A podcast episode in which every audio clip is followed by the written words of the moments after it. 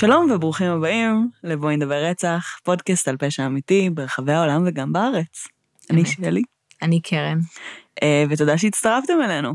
תודה שחזרתם אלינו, אה, איזה כיף, אנחנו כבר בפרק 130 ומשהו, נכון? אני לא יודעת, אה, לא, לא ספרתי בדיוק לפני שהתיישבנו להקליט. לא, אבל בערך, בערך. בערך 130 ומשהו, הזוי, הזוי, הזוי. אה, קרן מציינת את זה ספציפית בגלל שהיא צחקה על הפתיח שהקלטנו לפני רגע, כן. אבל בסדר. אה, טוב, אז תודה רבה שחזרתם אלינו, כיף לנו שאתם איתנו.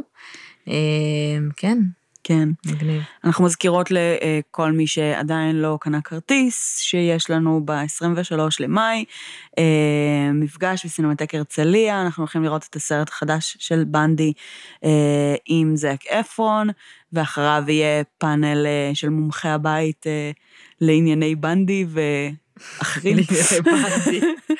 אה, יהיה ממש מגניב, יהיה את יואל אה, שפרן, הקרימינולוג הקליני שהתארח אצלנו, אה, עמרי יוסף, הסטודנט לרפואה שדיבר איתנו על רפואה פורנזית, ורעות זעירי. זעירי מהפודקאסט צריך עיון.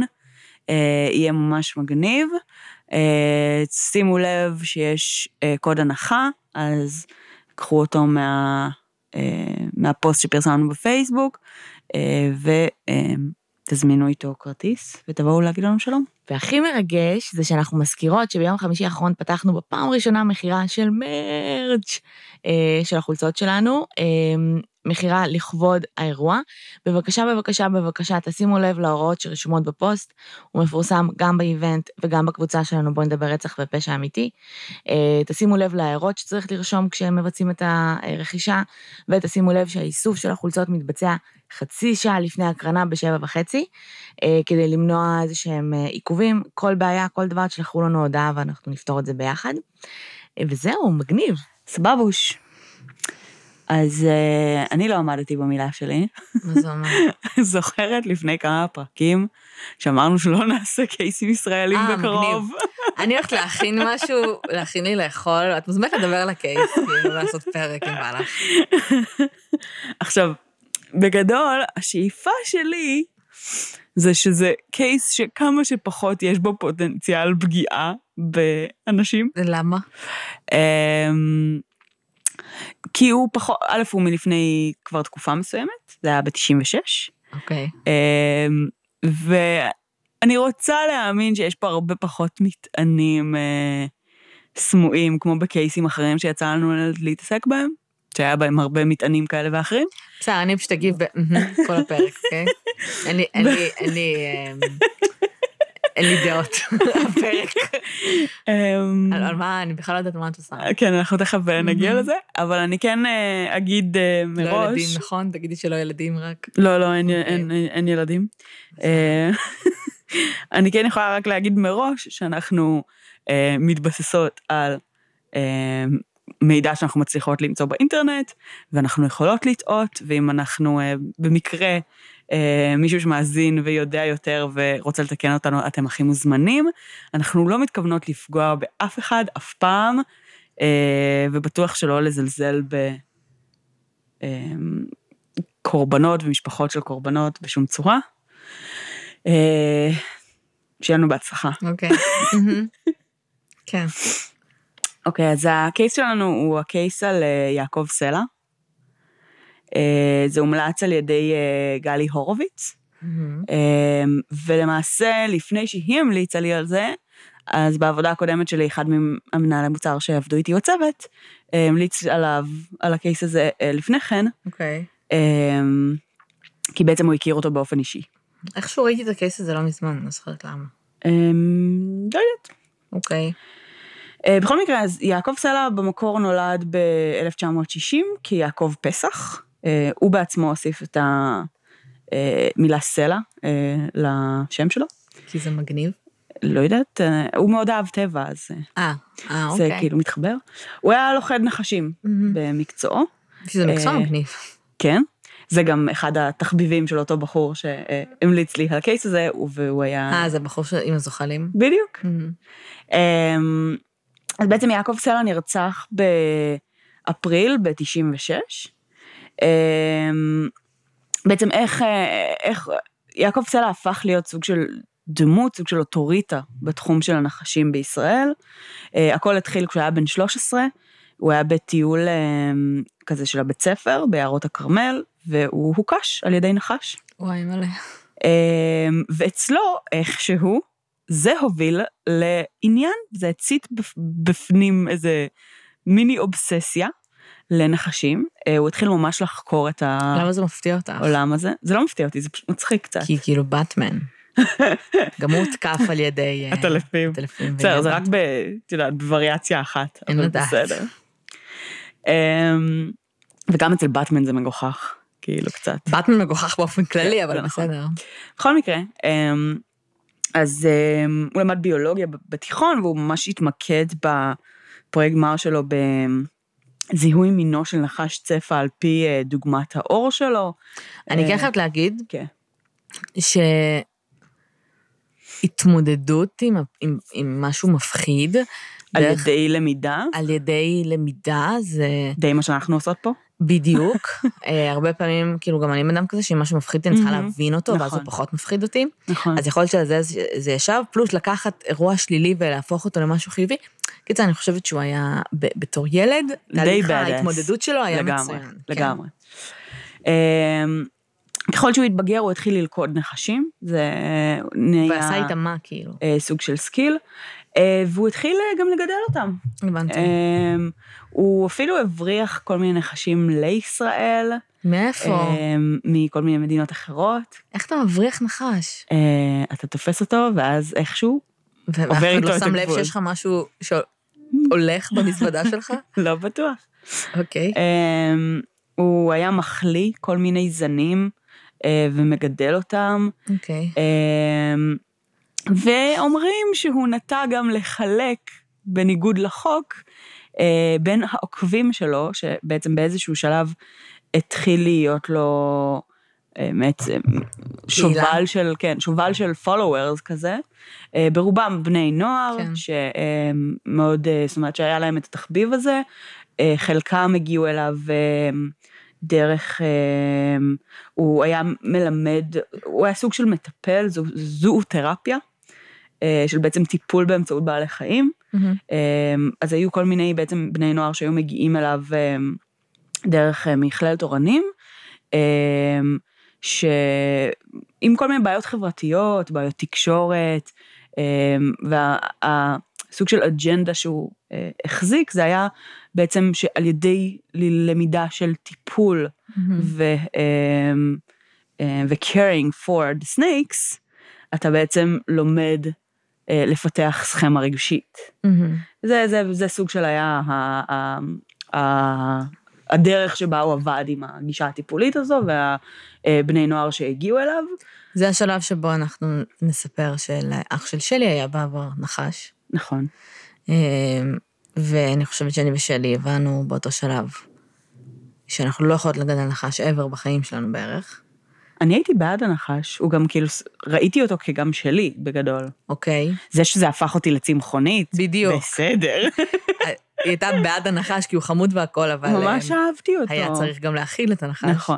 הייתי גם וכש- מאכילה אותו, אבל אז בוכה. כן, וכשראינו אותו אוכל. שזה בעצם היה עכברים חיים, מהמם. זה היה חוויה די טראומטית.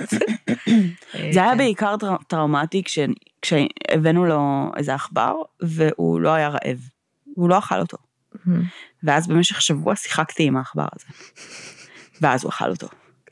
דום, שם נשברתי. תצח- אל- שם, שם, שם זה לא, שבר אחי, אותי. שם זה שבר אותך, זה היו עכברים חיים, את ממש רואה אותו טורף, זה- זה אחד הדברים המפחידים שראיתי בתור ילדה. זה ממש מפחיד, אבל זה מפחיד. הרגיש כמו לצפות בניישונל ג'אוגרפיק. כן, כאילו, אבל זה אמיתי. אבל זה הרגיש כמו משהו שכאילו, את יודעת שהוא טבעי בסדרי העולם, ברמה מסוימת. פחות טבעי כשהוא בכלוב ואת שמה לו את את העכבר הזה. בתוך הכלוב. אני טבעונית היום, את- כאילו, אין לי- לא, כאילו... אין לי שום דרך להגן על עצמי, אבל כן.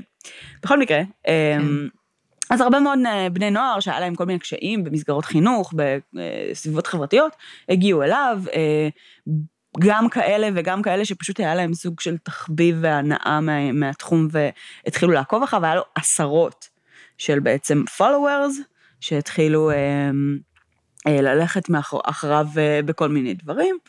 אה, ולפעמים הוא היה נותן להם לגדל נחשים בבית, אה, כזה מחלק להם לנחשים, חלקם היו ארסיים. אה, היו לו נחשים שהם בעצם מינים שלא קיימים בישראל, שזה אומר גם שבבתי החולים אין את הנוגדנים אם יש תקיפה או משהו כזה. אמ, ו... והוא אה, כזה סוג של היה אומר, אה, כזה אומרים שהוא היה אומר שהצפע הוא נחש נורא קל לגידול, אה, טיפול והאכלה, והוא מאוד היה ממליץ לגדל אותו. לגדל צפע. כן. אמ, היה מעודד את התלמידים שלו לגדל צפעים. אמ, אז אה, בין הנחשים שאומרים שהוא גידל היה ממבה ירוקה, היה אה, ביטיס גבוני, אה, קוברות. Oh my God, וואי, קוברה וזה נחש יפה. כן, אמ, והוא היה נוהג לחלוב את ארס הנחשים, ואז לעקור את השן, או, או כאילו גם וגם, לא, לא בהכרח תמיד לאותה הנחש את שניהם, אבל לעקור את שיני הארס גם. זאת אומרת, הוא היה ממש... ואז כאילו הוא לא הוא לא לפגוע בך, כן. כן. אמ, אפילו היה איזשהו שלב שהוא התארח בכזה תוכניות בוקר או משהו כזה, אמ, והוא אה, או דיבר או הדגים, לא הצלחתי לראות בדיוק מה היה שם, אבל שהוא ממש מוצץ עם, השפתה, עם הפה שלו את הארס מהשן של הנחש, משהו כזה. למה?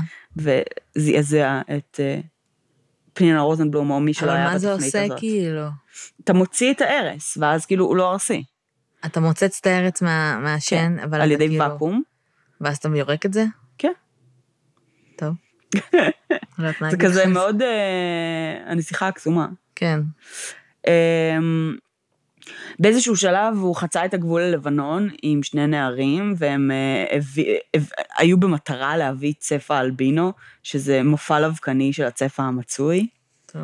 אמ, את יכולה להבין שבעצם הרשות הטבע והגנים אה, לא כל כך אהבו את אה, סלע. כן. הוא היה סוג של אויב שלהם, אפילו היה איזשהו בחור שהיה אמ, כזה אוכף דברים שקשורים לטבע והגנים, שאמר שהוא הגיע ללוויה של סלע בזמנו כדי לוודא שהוא מת. אוי ואבוי. כי הוא עשה להם המון המון בעיות. אחר כך הוא גם אמר שכאילו היה לו המון כבוד כלפיו, וכאילו בקטע שהוא ממש ראה אותו כנמסיס, ככזה אויב. ג'יסוס. לגמרי. אמ, תחשבי שזה עשה המון המון כן, כן, בלאגן, היה לזה פוטנציאל אקולוגי מאוד בעייתי. אמ, אבל בסופו של דבר, אה, גם הקונספט של טיפול בבעלי חיים מוגנים, היה הרבה פעמים כאילו שהוא היה עושה להם בעיות, גם באמת מכל מיני דברים. אמ, באיזושהי תקופה ברשות הטבע והגנים חשבו שהוא הביא, אמ, שהיו לו שני נחשים שהם אה, צפע חול מזרחי, אמ, שהם לא בעצם לא אמורים להיות בישראל, ושסלע וה... followers שלו הביאו לארץ, שהם שחררו אותו והם ממש פחדו שזה הופך להיות מין פולש שהולך להתרבות ולשנות את כל ה ecosystem. אמ, בסוף הם הצליחו לאתר את, הם ממש תפסו את הנחשים האלה כאילו באיזה יישוב בצפון, ו, ומנעו את ההתפשטות של הגזע הזה. Jesus Christ. אמ, לא יודעת שכזאת דרמה בשנות ה-90. ממש, ממש. אמ, וגם סלע כאילו, הוא השתמש בנחשים כסוג של כוח, אה, כן. למול השכנים שלו למשל. אה, הוא היה מתגרה בהם עם הנחשים. אוי ואבוי, זה נוראי לחיות ככה. והיו מקרים שבעצם השכנים שלו התקשרו למשטרה וכאלה. זה גם מפחיד לחיות עם מישהו שלו מלא נחשים בבית, שכאילו עוד שנייה מישהו כן, בורח. וחלקן ארסיים. כן. מאוד. אמ, אז, אמ, אז יעקב סלע בסופו של דבר כאילו בעצם היה... אמ, איש מורכב. איש מורכב, הוא היה סוג של גורו עבור הרבה בני כן. נוער. אה, הוא הוביל אותם, הרבה אנשים שהיה להם בעיות אה, תקשורת וחברתיות, כן. שהוא ממש ממש עזר להם. אה, הוא מאוד פיתח את התחום ואת הידע על התחום בארץ. אה, אבל מצד שני הוא באמת גם אה, אה, עצבן הרבה מאוד אנשים בדרך. כן. אה, ביום השואה, 16 לאפריל 96, אה, הוא בן 35 בשלב הזה, הוא נעלם. ובמשך כמה, שבועיים שלושה בערך, אה, לא, לא יודעים איפה, הוא נחשב נהדר, אה, עד שבעצם אה, כמה מטיילים הולכים להם בפנן ברמת הגולן ורואים יד מבצבצת מהאדמה. דמייני סרט זומבים כאילו. אוי לא. ואז בעצם מוצאים את הגופה שלו. החקירה מראה שבעצם ירו בו למוות. האחרון שראה אותו בחיים היה בחור בשם הראל אה, הרשטיק, אה, שהוא היה בן 21 אז. שהוא הוא, היה מה, אחד הפולוורס שלו? כן, הוא בעצם הכיר אותו בשנת 88, שמונה שנים קודם לכן, כנער, שבעצם הגיע אליו גם מתוך עניין בתחום, גם סוג של הגיע למכללת אורנים אמ, כי היו לו קשיים ביצירת קשרים חברתיים עם ילדי הקיבוץ שבו הוא גדל. ו- והמטרה של הטיפול שלו הייתה ממש אה, אה, ללמוד גידול וטיפול בעלי חיים כדי לטפח רגשות ולהפוך אמ, להיות, אה, זאת אומרת, בעל הבנה חברתית עמוקה יותר. אוקיי. Okay. סלע היה כבר מומחה בעל שם, והוא ממש לימד הוביל אותו אה, כמה שנים, הוא היה לוקח אותו מדי פעם ללכידת נחשים איתו, כאילו מטיילים כן. בארץ, ובשנת 90, בעצם שנתיים אחרי שהם הכירו, אה, הוא הגיע עם אה, הראל הרשטיק אה, לקיב, לקיבוץ דגניה ב', שם בעצם הוא גדל, הוא גר, mm-hmm. והכיר את אימא שלו בשם רינה. ואיפשהו באיזשהו שלב נוצר קשר רומנטי בין האימא. אוקיי. Okay. אה, לסלע. אה, זה גם הפך במשך הזמן לסוג של קשר עסקי, היא גם אה, הפכה להיות מגדלת נחשים, ו... זאת אומרת, כן היה שם משהו שהוא לא רק זוגי. כן. אמ, אבל בעצם הקשר הזה לא בדיוק היה what you would imagine. מאיזה בחינה? אמ, היה שם הרבה עליות וירידות מאוד דרמטיות. Okay. אוקיי. אמ, סלע עצמו ניהל מספר מערכות יחסים זוגיות במקביל. כל הנשים וואו. ידעו אחת על השנייה. אה, יפה, לפחות זה. לפחות בצורה חלקית, יש אחת שכנראה הוא תמיד אמר שהוא היה גר איתה, אז הוא תמיד אמר לכולן שהוא לא במערכת יחסים זוגית איתה, למרות שהם ישנים באותה מיטה. אוקיי. כן, משהו כזה. אבל בעצם אחרי ש... אה, אחרי הרצח, היה ממש צצו כמו פטריות אחרי הגשם, מלא כתבות של מלא נשים שסטפט פורוורד בעצמן, okay. אוקיי. וסיפרו על מערכת היחסים איתו, וסיפרו בעצם על אהבתן המוחלטת ונאמנותן כלפיו, אמ, וזה היה מאוד בולט שהן היו פריטי מאץ' בכל גיל, צורה וצבע שאת יכולה לדמיין. Mm-hmm. הן היו מאוד מאוד שונות אחת מהשנייה. מעניין. אמ, והיו הרבה דיווחים גם שדיברו על סלע אמ, אמ, כבן אדם מאוד ערמומי ומאוד מניפולטיבי, והייתה איזו, איזה עיתונאית שראיינה את רינה, אה, אימא של אה, הראל, באיזשהו שלב, והוא היה שם ברעיון, והוא ממש השתלט על הרעיון, והיא סיפרה שהוא אה, התחיל איתה ופלירטט איתה בזמן הרעיון, בסופו של דבר הרעיון הזה נגנז, ופורסם רק אחרי הרצח. אוקיי. Okay. אמ, כי בעצם משהו בווייבים שם היו נורא מוזרים לא, לאותה עיתונאית. אה, במובן של, זאת אומרת, יש לך מולך שני אנשים, הם בקשר זוגי, והגבר מתחיל איתך ומפלרטט איתך. בזמן הרעיון. בזמן הרעיון שבכלל מכוון לאישה. על מה התראיינה? אני לא יודעת, אני okay. מניחה אוקיי. שזה משהו שהיה קשור לנחשים, okay. כן? אה, אבל אני אבל זה, זאת אומרת, זה משהו שהיה מאוד מאוד חריג ומוזר ובולט okay. אוקיי. בנוף כנראה. אמ, ועם השנים, אז בעצם גם מערכת היחסים בין סלע להראל, הילד, אה, הפכו להיות מורכבים. זה התחיל באמת בקשר המאוד הדוק והידידותי אה, שהיה ביניהם, בזמן שהיה ביניהם פער של 15 שנה והוא היה נער, אה, לבין סוג של תיעוב ושנאה. אמ, כנראה שהראל היה די צעיר מבריק, שהיה לו כזה טאץ' למחשבים, והוא היה מאוד אה, אה, כנראה אינטליגנטי. ו... ובאיזשהו שלב, ב-95, אה, סלע מגלה שהראל גנב ממנו. וואלה.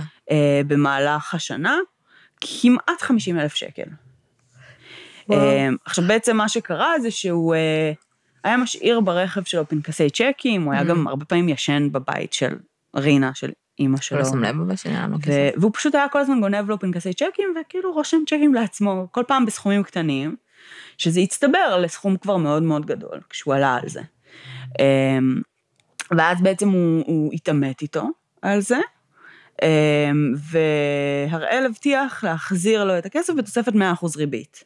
מאה אחוז. כן, כאילו מכפיל לך את. הסכום, כן.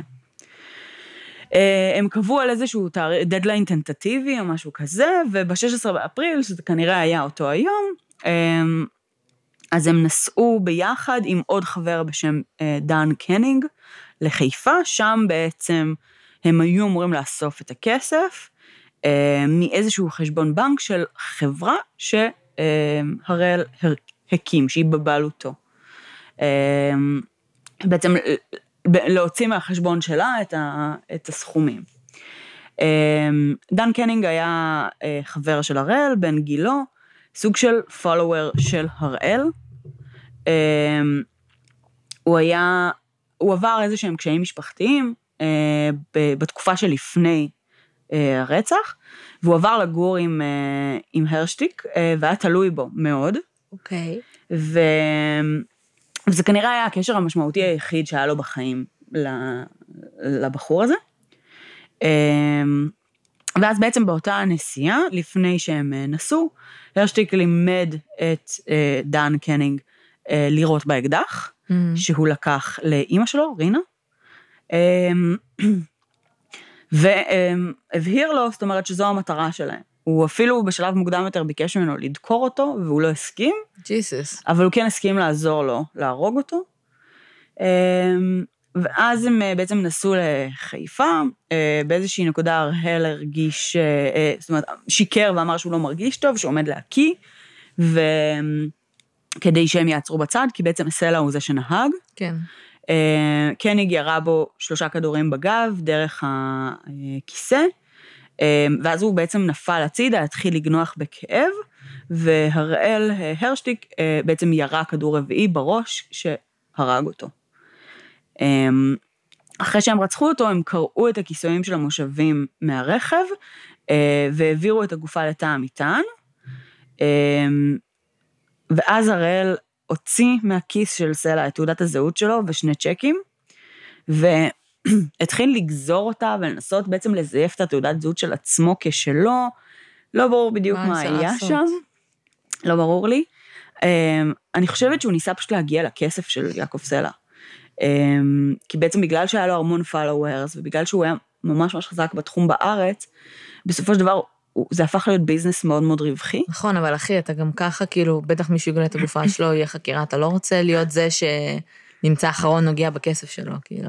אה, את צודקת, אבל הוא, אבל הוא כאילו בסופו של דבר הגריד פה מאוד אה, כן. שיחק אה, תפקיד. מה הוא עשה בחיים? הוא היה כאילו, היה לו קשה כלכלית, מה היה שם? כאילו? הראל? כן. הוא היה בחור בן 21 שראה את עצמו כיזם פוטנציאלי. אה, הוא חיפש משקיעים, אז כאילו כזה. הבנתי. כן.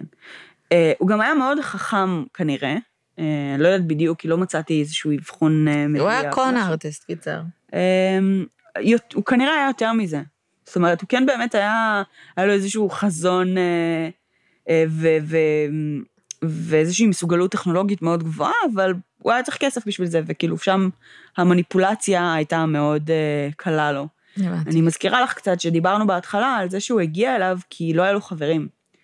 אה, והוא לא כן. ידע איך לתקשר עם בני אדם, והוא מצטייר כסוג של איזה מין פסיכופת, אה, עם, אה, זאת אומרת, יכולות טכניות די גבוהות, יכולות בין מניפ- אישיות נמוכות. כן, נמוכות, ו, ובעצם סלע, שהיה מאוד מניפולטיבי, לימד אותו גם בעצם איך להתנהג ואיך להיות מניפולטיבי בעצמו. אה, ככה לפחות זה מצטייר. אה, בקיצור, אז הוא לקח את התעודת זהות שלו, חצי גזורה, והוא לקח שני צ'קים, ו... אה, ואז הם נסעו ביחד עם הגופה בתא המטען לכפר סבא, ניסו שם להיעזר באיזה חבר נוסף במשהו, אה, שכן ידע, לא ידע על הרצח, זה כזה איפשהו in between. אה, ואז בשעות הלילה הם נסעו לקיבוץ דגניה, ניסו לקבור אותו בשתי מקומות שונים, הם לא הצליחו. אז הם נסעו לרמת הגולן, ואז הם כאילו הצליחו לקבור אותו שם, אה, חזרו לדגניה והתפצלו שם, ושם הראל הרשטיק אה, אמר לדן קניג שהוא הולך למטווח כדי לקנות כדורים להשלמת המחסנית, כדי שאימא שלו לא תשים לב שחסרים כדורים. יפה. אמ, ואז יש תיעוד שהוא באמת באותו יום הלך, הוא השכיר אקדח זהה לאקדח של אימא שלו, אה, וכאילו בעצם הוא אפילו לא קנה כדורים, אלא השכיר... לקח מתוך האקדח. בדיוק, השכיר למטווח, ואז פשוט לקח והוציא ארבעה כדורים כנראה, אנחנו לא יודעים בדיוק כן. כן. את החלק הזה. היום אומרים שבעצם המניע לרצח הוא כנראה החוב. אה, אולי גם הקשר של המערכת יחסים עם האימא, אמ, אבל שבסופו של דבר המקום שבו הוא התעמת איתו והוא רצה בחזרה את הכסף, זה הייתה הבעיה שהוא רצה לפתור, והוא החליט להיפטר ממנו בשביל שהבעיה הזאת תפסיק להיות בעיה. אמ, נראה כשבאו- שלא באמת היה לו מאיפה להוציא לו 100 אלף שקל. כנראה שלא. או שכן, אני לא יודעת. אוקיי. אמ, אבל כשבאו לעצור אותו, מצאו בתיק שלו שני צ'קים של סלע, אה, ואת המפתחות לאוטו שלו. וכשמצאו את האוטו, אז גם כמובן שמצאו שם חצי מה, מהתעודת זהות של כן. הראל הרסטיק, שהייתה גזורה שם. אחלה. כן. אז אמ, היה משפט, לה לה לה. אמ, הוא הודה? הוא לא הודה מעולם. אה, מעולם. לדעתי מעולם.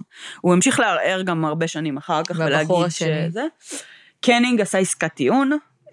הוא העיד נגד הראל כאילו? כן, הוא בעצם אה, סיפר אה, את כל התרחשות העניינים, הוא אה, על פי בעצם חוות דעת רפואית שבוצעה, הוחלט שהוא סובל מהפרעה נפשית חמורה, שמגבילה את יכולתו להימנע מביצוע הרצח, אוקיי. אה, ובעצם הוא עשה עסקת טיעון, הוא הודה על כל השתלשלות האירועים ועל האחריות שלו בזה, הוא קיבל 15 שנות מאסר. אה, הראל הרשטיק אה, הורשע בעבירה של רצח, מרמה, זיוף אה, בנסיבות מחמירות, גניבה ושיבוש הליכי משפט והתחזות, והוא קיבל אה, מאסר עולם של 30 שנה. ולמה- ועד היום הוא לא הודה? לדעתי לא, כי הוא במשך השנים אה, המש... עוד ערער, והוא ניסה, לה... זאת אומרת, להגיד ש... שהוא לא באמת רצח, וזה לא זה באמת כאילו היה מפתיע, ככה. כי אם זה באמת היה כמו שזה היה, אהה. אה, סבבה, אז אתה בהתחלה לא מודה וחושב שתצא מזה, ואז. מערער קצת, אבל כאילו הרבה פעמים אה, להודות נותן לך כזה יותר נראה לי תנאים בכלא, ואת יודעת, יכול אז הוא להקל עשה על את זה מזווית שלך. אחרת. אנחנו? תכף נגיע לזה. אוקיי. לתנאים בכלא. אמ, אימא של הראל, רינה, גם נשפטה, על מה? אה, כי בעצם אחרי אמ, שהתחילו לחקור, אז הראל היה הבן אדם האחרון שראה את סלע. נכון. וגם היא וגם הראל העידו שאחרי אותו יום הם דיברו איתו בטלפון, ושהוא היה בארצות הברית, ואז לחפות עליו. כן, כאילו. והראל היה אמור לטוס לארצות הברית, לפגוש אותו שם, כך אה, נאמ- נאמר. אה, ואז בסופו של דבר, זאת אומרת, היא קיבלה עשרה חודשי מאסר על שיבוש הליכי משפט אה, חקירה. ולכאורה גורשה מדגניה ב', אחר כך הבנתי שזה לאו דווקא קרה. טוב. כן. כאילו לא. הקיבוץ גירש אותה. כן. אז uh, במשך השנים הוא הרבה פעמים ניסה להשתחרר ממאסר מסיבות שונות. ב-2000 הוא אמר, בכלל לא הייתי הרוצח, ערער על זה, uh, זה לא עבד. ב-2005 um, היה לו אישור חוקי לחלוטין להחזיק מחשב בכלא. Uh, המחשב הזה היה אמור להיות לא מחובר לאינטרנט. הוא הצליח לבנות מודם מחלקים שונים שהוא מצא ב, בבס, ב, כאילו ב, ב, במהלך, ברחבי הכלא, וואו. ופיתח קשר אינטרנטי עם צעירה מחוץ לכלא, שאסור לו בעצם לייצר כן. קשר החוצה. בסוף היא הפכה להיות אשתו. אה, כשגילו את זה, אז שונתה המדיניות של הכלא, ונקבע כי אסירים לא יוכלו להחזיק מחשבים אישיים בתאים שלהם. כן, הוא דפק להכל, כאילו. לכולם, לכולם. ב-2009 הוא הקים סטארט-אפ, בכלא. אה, כן, שממציא מכשיר שמזהה סרטן על ידי ניתוח אוויר מנשיפה ייעודית של נבדק. בסטארט-אפ הזה מעורבים אנשים מאוד מאוד חזקים. אה, איך הוא יצר איתם קשר? אין לי fucking מושג, הוא בנה פעם מודם? אין לי fucking מושג, אבל הוא הוא, מאוד כנראה מפחיד. מי שהגה את הרעיון. אה, הצטרפו אליו בעצם גם איזשהו יזם מאוד חזק, מנכ"ל של בזק לשעבר, איזשהו אה, פרופסור לרפואה, כאילו, משהו רציני. כשזה התגלה, אז אה, אה, הם הכל עשו בשושו? כאילו, מה זה בשושו? זה, את יודעת, הוא פשוט אה, עשה את זה, באיזושהי נקודה אפילו התראיין על זה באמנון לוי וכאלה. על זה שיש לו סטארט-אפ. מה? איך הוא הגיע? העניין הוא שכאילו, לא היה עם זה בעיה, כאילו חקרו את זה, הסתכלו על זה ואמרו, תכלס, אין חוק שאוסר על אסיר שיהיו לו מניות בחברה. אין חוק שאומר שכאילו אה, אסיר לא יכול לנהל חברה, לתת הוראות לפעולות בחברה. איך הוא עשה את זה אבל בלי מחשב? אני מנסה להבין איך הוא הקים סטארט-אפ. I don't כאילו, fucking know, כנראה by proxy, באמצעות אנשים ש... זאת אומרת שאיכשהו עזרו לו, אין לי מושג. נו. אה, עדיין לא אישרו לו מחשב בתא. אה, באותה שנה אה, הוא גם ביקש בקשה לחופשות, וסירבו לו, אה, בגלל שאמרו שיש לו פוטנציאל להתפרצויות ותוקפנות. זה היה בכלא כאילו? כן. ואז היה איזשהו שלב שהוא אה, ביקש אה, שייתנו לו שחרור, אה, או, או מוחלט קבוע או שחרורים, בגלל שבכלא הוא מקבל טיפול רפואי כושל, הוא דיבר על זה שיש לו איזושהי מחלת ריאות סופנית, אה, אה, ולא. בדיוק הבנתי אה, האם אי פעם הגיע עד רפואי שהעיד על זה, אבל הוא טען שיש לו המון התקפים בכלא, ושהוא הוא הציע שישחררו אותו כדי לראות אם מחוץ לכלא יש לו פחות התקפים, משהו כזה, ושלא מטפלים בו מספיק טוב. אוקיי, ואם מחוץ לכלא יהיו לו פחות תקפים, אז מה יגידו לו? אה, אחי, אז אוקיי, אז תישאר. מחוץ לכלא. לא, אז כאילו, אז יש, יש כן, כן, סיבות כן. רפואיות שבגינם כן מוציאים אנשים מהכלא, אבל זה מגוחך אה, מה שהולך פה. כן. ב-2012, אה, המצב הרפואי שלו אה, כן הראה בעצם שיש צורך כזה או אחר. איזשהו פסיכולוג בחן אה, את רמת הכשירות שלו בעצם לצאת לחופשות, ואמר שתחת תנאים מגבילים ולתקופות קצרות, המסוכנות שלו תהיה נמוכה. אה, ואז אישרו לו בעצם להיכנס לסבב החופשות. ואז, יום בהיר אחד, מצאו בתא שלו מחשב, טאבלט ומקלדת. מפתיע אה, נורא, טאבלט. טאבלט. איך? והוא הושהה לתקופה מסבב החופשות, אבל החזירו לו את הפריבילגיות איך? אה, מי הכניס לו את זה די לכלא? מהר, איך לא שם בגלל? המצב הרפואי שלו. אוקיי.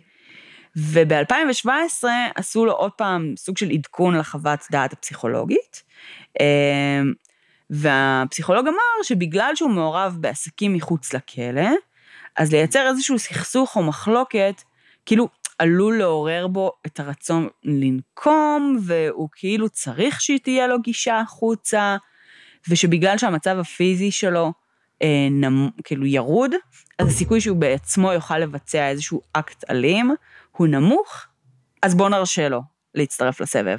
כאילו, הם שכחו לגמרי שברצח שבוצע על ידו, כן. 90% מהרצח לא הוא ביצע, כאילו, הוא כן, גרם למישהו אחר. מניפולטיבי ברמות. בדיוק. זה בעיה.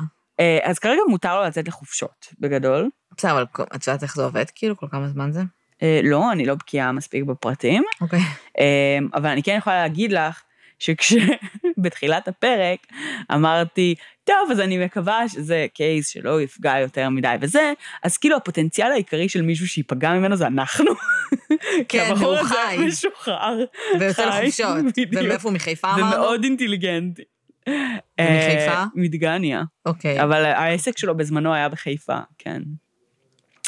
אמ, אז אה, זה, הוא כאילו, הוא לא כזה מבוגר, הוא היה בן הוא? 21 ב-96, שזה אומר שהוא אפילו לא בן 50, אמ, אבל הוא, המצב הרפואי שלו לא טוב, אמ, ואיכשהו הוא סטארט-אפיסט, אמ, אבל, אף אחד לא שואל כאילו איך זה קרה, אני לא מבינה. מה? איך הוא הקים סטארט-אפ סטארט-אפ? מהכלא, ופתאום היו סביבו מלא אנשים... תראי, עורכי דין יכולים להיכנס לבקר אותך מאוד בקלות, וכדי להקים חברה, בצורה הרשמית שלה, בתכלס, צריך עורך דין. כל השיתופי פעולה, ואת יודעת, היזמים, אה, בעלי המניות האחרים שהצטרפו לסטארט-אפ, אז כנראה שהספיק אחד אה, שבאמת ייכנס אה, מולו, וכל האחרים יכלו לפעול מול הבן אדם הזה מבחוץ. כן. כאילו, ב, כשהתפרסם הנושא הזה, אז הרבה מבעלי המניות אמרו שהם בכלל לא ידעו שההרשטיק הזה, שהוא אחד מבעלי המניות בחברה, הוא רוצח בכלא. כאילו, לא היה להם מושג. הם פשוט לא פגשו אותו אף פעם. אה, יש לו ממש אה, מכשיר אה, כן. כזה... הנשמה. הנשמה, כן. כן. כאילו, אז יש לו באמת בעיה בריאות. כן, באותם שנים שהוא אה, זה, אז כאילו, העדות הרפואית שהייתה אמורה להגיע כנראה לא בדיוק הגיעה, או לא יודעת מה היה הסיפור שם, אבל יש לו בעיה כלשהי, זה כן. טוב. אה, זהו, אז זה, זה בעיקרון הקייס. אם נורא מעניין אותך מה קרה לנחשים בסוף, אה, אה, לא חשבתי על זה בכלל. מה קרה לנחשים בסוף? תכלס, איפה הם? בדיוק.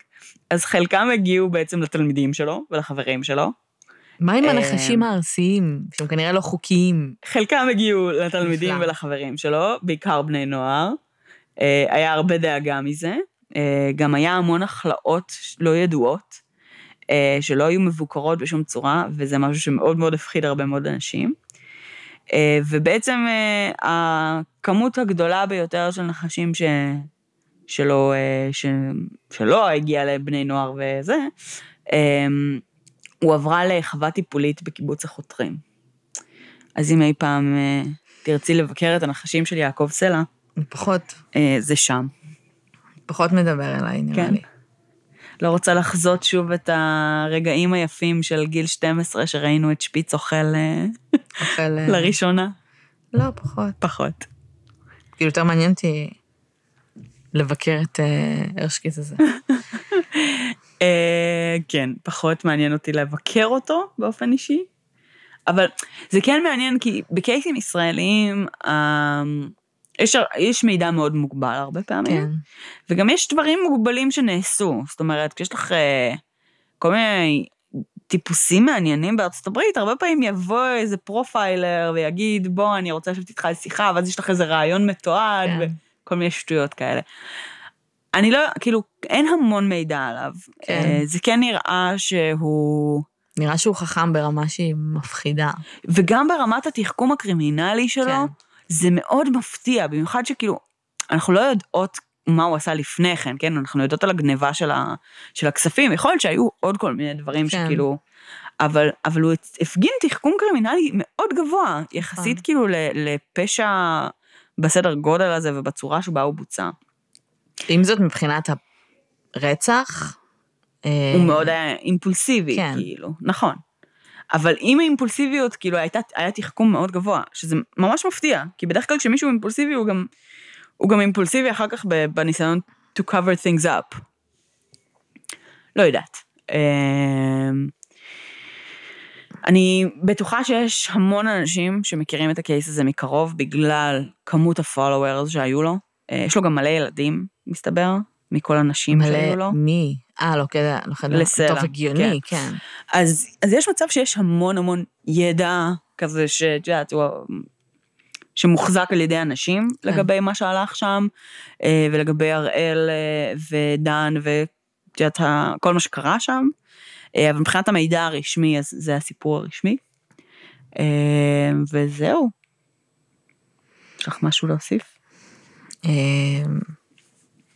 לא, חוץ מזה שהוא נשמע כמו טיפוס ממש מעניין. הרוצח. היה, כן, לפחות. לא הרוצח. כן, כן. אני אומרת היה כי כאילו הוא כבר לא כזה... לא יודעת כמה הוא כבר, אה, את יודעת, מנהל שיחות עם, חומ... עם מכונת הנשמה וכאלה. אה, תלוי באיזה שלב הוא, אני לא יודעת מה יש לו, אם זה ספיקת כן, או משהו. אני אין לי מושג. בוא נגיד שהבן אדם הצליח להקים סטארט-אפ מהכלא פלוס, הצליח לבנות מודם. איך אתה בונה מודם מדברים רנדומליים שאתה. יוצא בכלא? אתה צריך את ה... כאילו, את ה internet credentials, וואי. זה, כאילו, אתה צריך להיות כל כך מניפולטיבי כדי להצליח להשיג אותם מהסוהרים. כן. בזמן, כאילו, בזמן כן. שאתה בונה מודם, כדי שיהיה לך, כאילו... שזה מוזר, כי הוא היה מאוד מניפולטיבי עם אנשים, אבל היכולות הבין-אישיות שלו היו ירודות.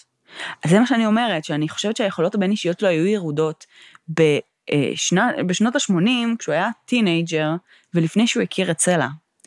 ובעצם, בסלע עזר לו, כאילו. כן, כאילו בעצם סלע השת... אה, אה, אה, כאילו לקח את כל הגישה הטיפולית הזו, אה, יופי, ויצר ללמד אה, אותו, בדיוק, שטן. ללמד אותו ל, לייצר תקשורת, אבל בפועל מה שהוא עשה זה הוא היווה דוגמה לתקשורת מאוד מניפולטיבית, כן. אה, והוא לימד אותו כאילו את ה business mind, הכנראה מאוד מתוחכם שהיה לסלע עצמו. אה, גם בואי, כאילו, סלע קצת נשמע כמו ראש כת. כן, כן. אה, זה אולי כת קטנה ולא מאוד הרסנית, ואני לא יודעת. עם, בדיוק. עם, עם, דבר, עם חיות הרסניות כן. ומלחיצות, אבל בסדר. אמ, כאילו, אבל זה לא נשמע שזה היה מאוד הרסני לאנשים שהיו כן. מעורבים שם.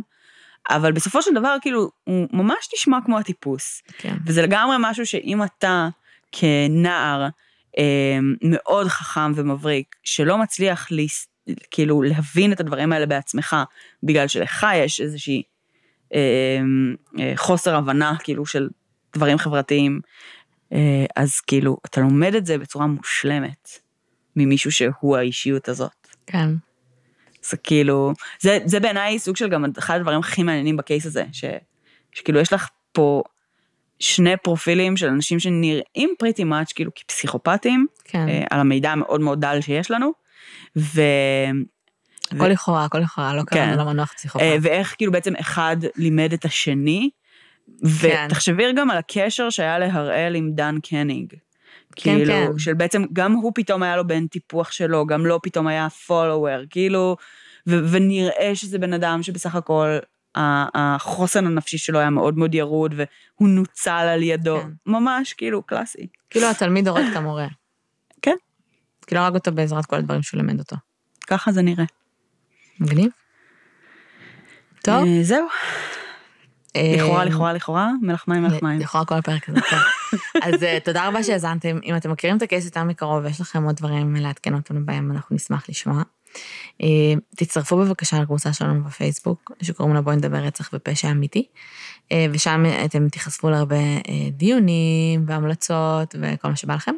כל מי ששולח לנו המלצות בפרטי, אנחנו מציעות שתיכנסו לקבוצה, יש שם שרשור המלצות, מהמם. נטו כדי, כי משם אנחנו הרבה פעמים לוקחות את ההמלצות, וכדי שזה לא ילך לאיבוד, זה נוצר אך ורק בגלל זה, כי כן. הרבה המליצו לנו ורצינו מקום אחד מסודר. בדיוק, לשמור על הסדר.